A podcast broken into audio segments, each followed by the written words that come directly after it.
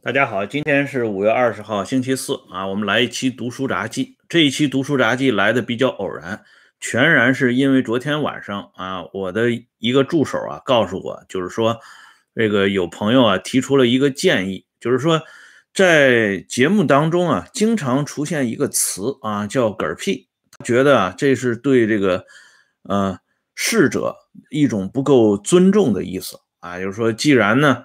是表达一种中立客观的立场，那么应该一视同仁，都要用这个“嗝屁”这个词。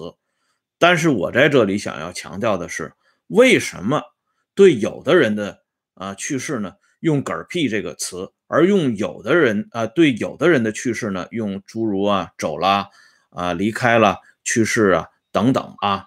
这实际上是反映了一个史家的常识和见识，就是说作为一个。历史的研究者啊，不管他是专业的还是业余的，他都应该有正常的见识和常识啊，这叫史实。没有这个东西，你研究历史，研究再多的东西，就像诸葛亮舌战群儒的时候说的那样：“青春作赋，好守穷经。”其实呢，一落三尺高没有用的。无非是那种啊，爬固纸堆的那种抄书匠而已。真正能够把历史锤炼出，能够让后人警醒啊，能够让后人意识到风险正在逼近，必须要有足够的见识和常识。那么这些见识和常识体现在哪里呢？就是体现在我今天说的这八个字：良知、底线、坚持、勇气。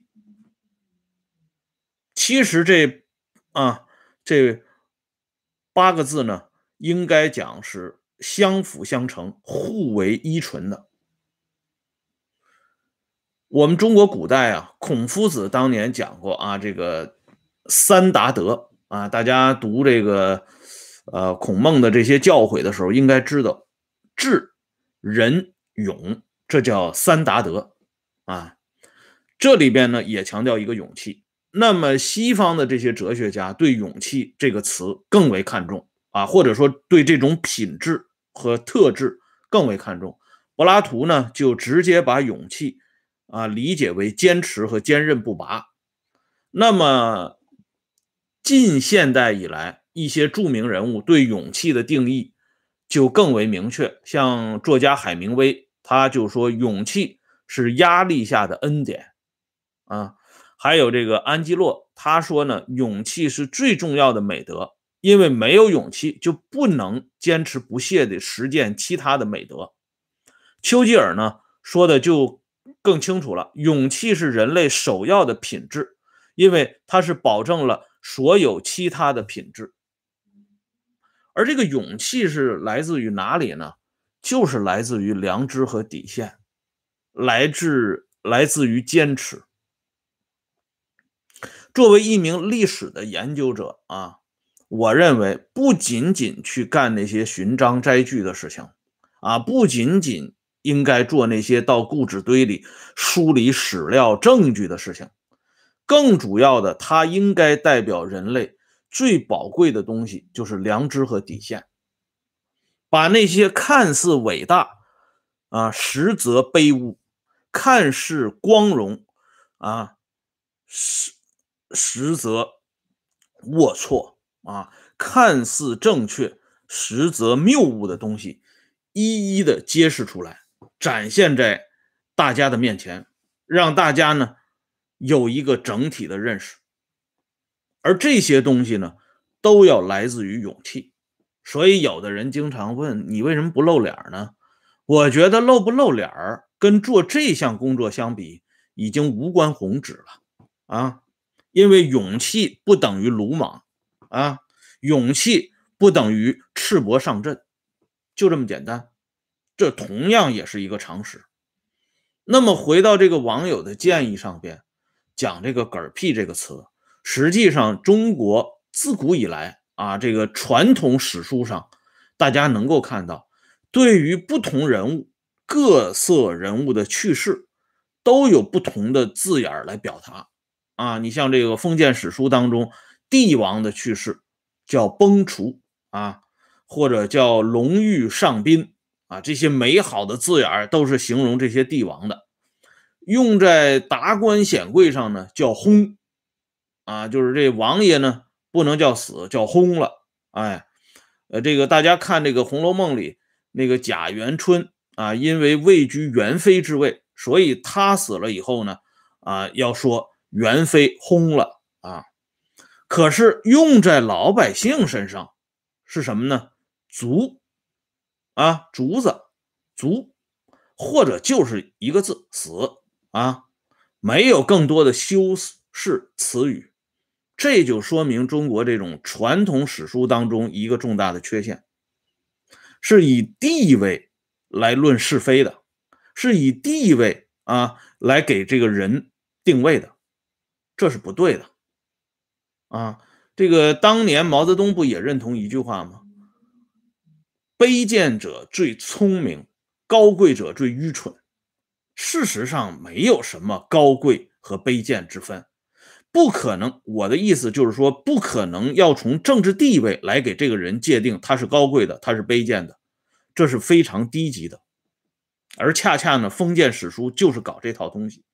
那么到了今天，我们没必要再重复那些啊乱七八糟的东西，我们要重新给历史，给这些历史人物一个崭新的界定。那么就是说，他是一个品格高尚的人。那么，某种意义上讲，他就是一个高贵的人。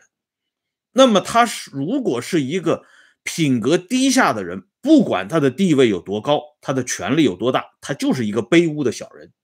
对于小人，对不起，我这个私人节目只能用嗝屁来形容他的去世，而我不愿意用那些什么与世长辞啊、逝世啊等等啊这些东西来形容他的离开。并且呢，从小人物的角度出发，这样人的嗝屁是某种意义上的造福。他找一点嗝屁，可能世界会变得更好一些，仅此而已。所以呢，这个网友啊，他有一番良苦用心，我要感谢他对这个节目的关注和支持。但是他的这个建议，我不打算接受啊。我还会一如既往的对这些卑污的、啊龌龊的、啊对这个历史犯过严重罪行的这些人沿用“嗝屁”这个词，这个是反映了一个历史研究者的见识和常识。这个东西，我认为恰恰不能丢弃，因为它与良知和底线是衔接的。哎。所以，就像我们啊，对那些真正意义上的烈士，而不是由官方史料来粉饰而成的烈士，通常要用一个一个词叫千古啊。似乎呢，没有人会把千古这个词送给秦桧啊，应该呢会送给诸如啊什么文天祥啊等等这些人，这是一个道理。只有坚守良知和底线，才会有勇气和坚持啊！我自认为自己的勇气不够啊，因为有的朋友不说吗？你没有露脸吗？说明我勇气不够。但是我愿意啊，一点一点扩大自己的勇气。那么这种扩大自己的勇气表现为什么呢？表现为坚持。如果可能的话，我们这个私人的小节目会一直做下去。啊，一直跟大家分享这个历史上发生的这些事情，一起呢来剖析这些历史人物的是是非非，就这么简单啊。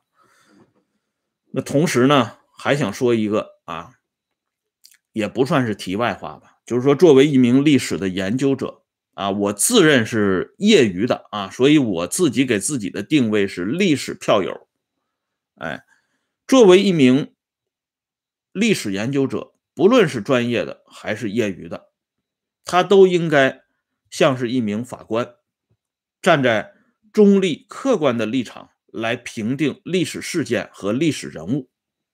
他同时呢，又应该是一名刑警，用细致入微的侦查和分析来解构历史的案发现场。同时，他也应该是一个啊，更应该是一个具有良知和底线的人啊。所以呢，今天利用这么一个读书杂记，讲这么个十分钟左右。跟大家呢，也是对自己啊一直以来做这个节目的内心的一些心曲，做一个简单的剖白，嗯，这样呢，我就觉得我们在沟通方面应该不会再有什么特殊的障碍了，啊，当然了，在这里呢，还是要感谢所有的对我这个节目。提出建议的朋友，不管你这个建议我是接受还是不接受，我都要感谢啊，因为说明呢你对这个节目有关注。好了，今天咱们这个话题呢就先说到这里，一会儿啊咱们开始这个党史杂谈啊，接着聊这个应该聊的事情啊。谢谢大家上来观看和收听，待会儿呢接着聊，再见。